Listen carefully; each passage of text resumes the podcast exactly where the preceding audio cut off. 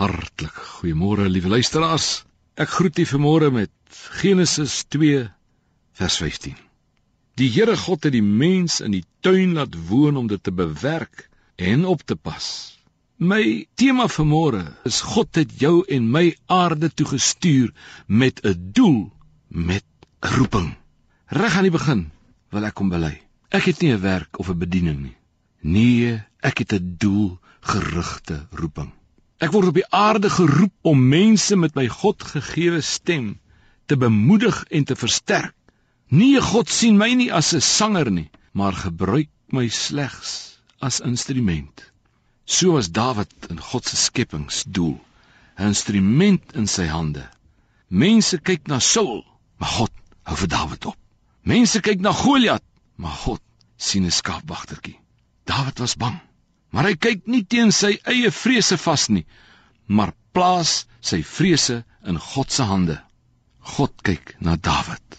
Hy hou hom fyn dop. Maar verseker hy hou, hou hy jou en my ook vir oggend. Hou hy ons ook fyn dop.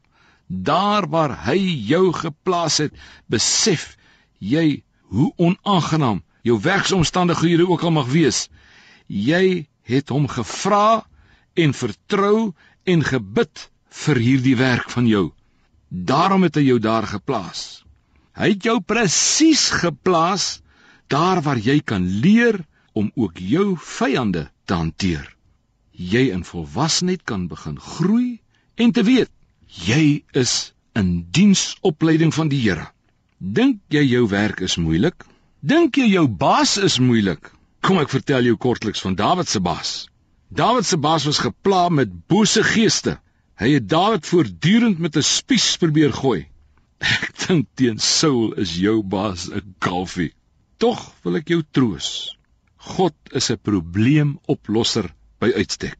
Hy het Dawid uitgelig uit sy omstandighede as die troonopvolger van Saul. Wat is God vandag dalk besig om met jou te doen?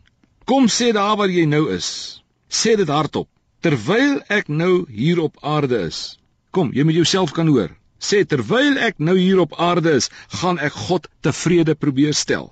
Hy vir hierdie werk het hy my gekies. Ek gaan van vandag af aan my kollegas wys dat ek iets het wat hulle ook nodig het. O ek is 'n wenner want God maak nie verloorders nie. Maak nie saak hoe jy voel nie. Gaan nie vandag op jou gevoel nie. Gaan op die feit dat jy weet dat Jesus Christus die grootste oorwinnaar van alle tye was. Amen.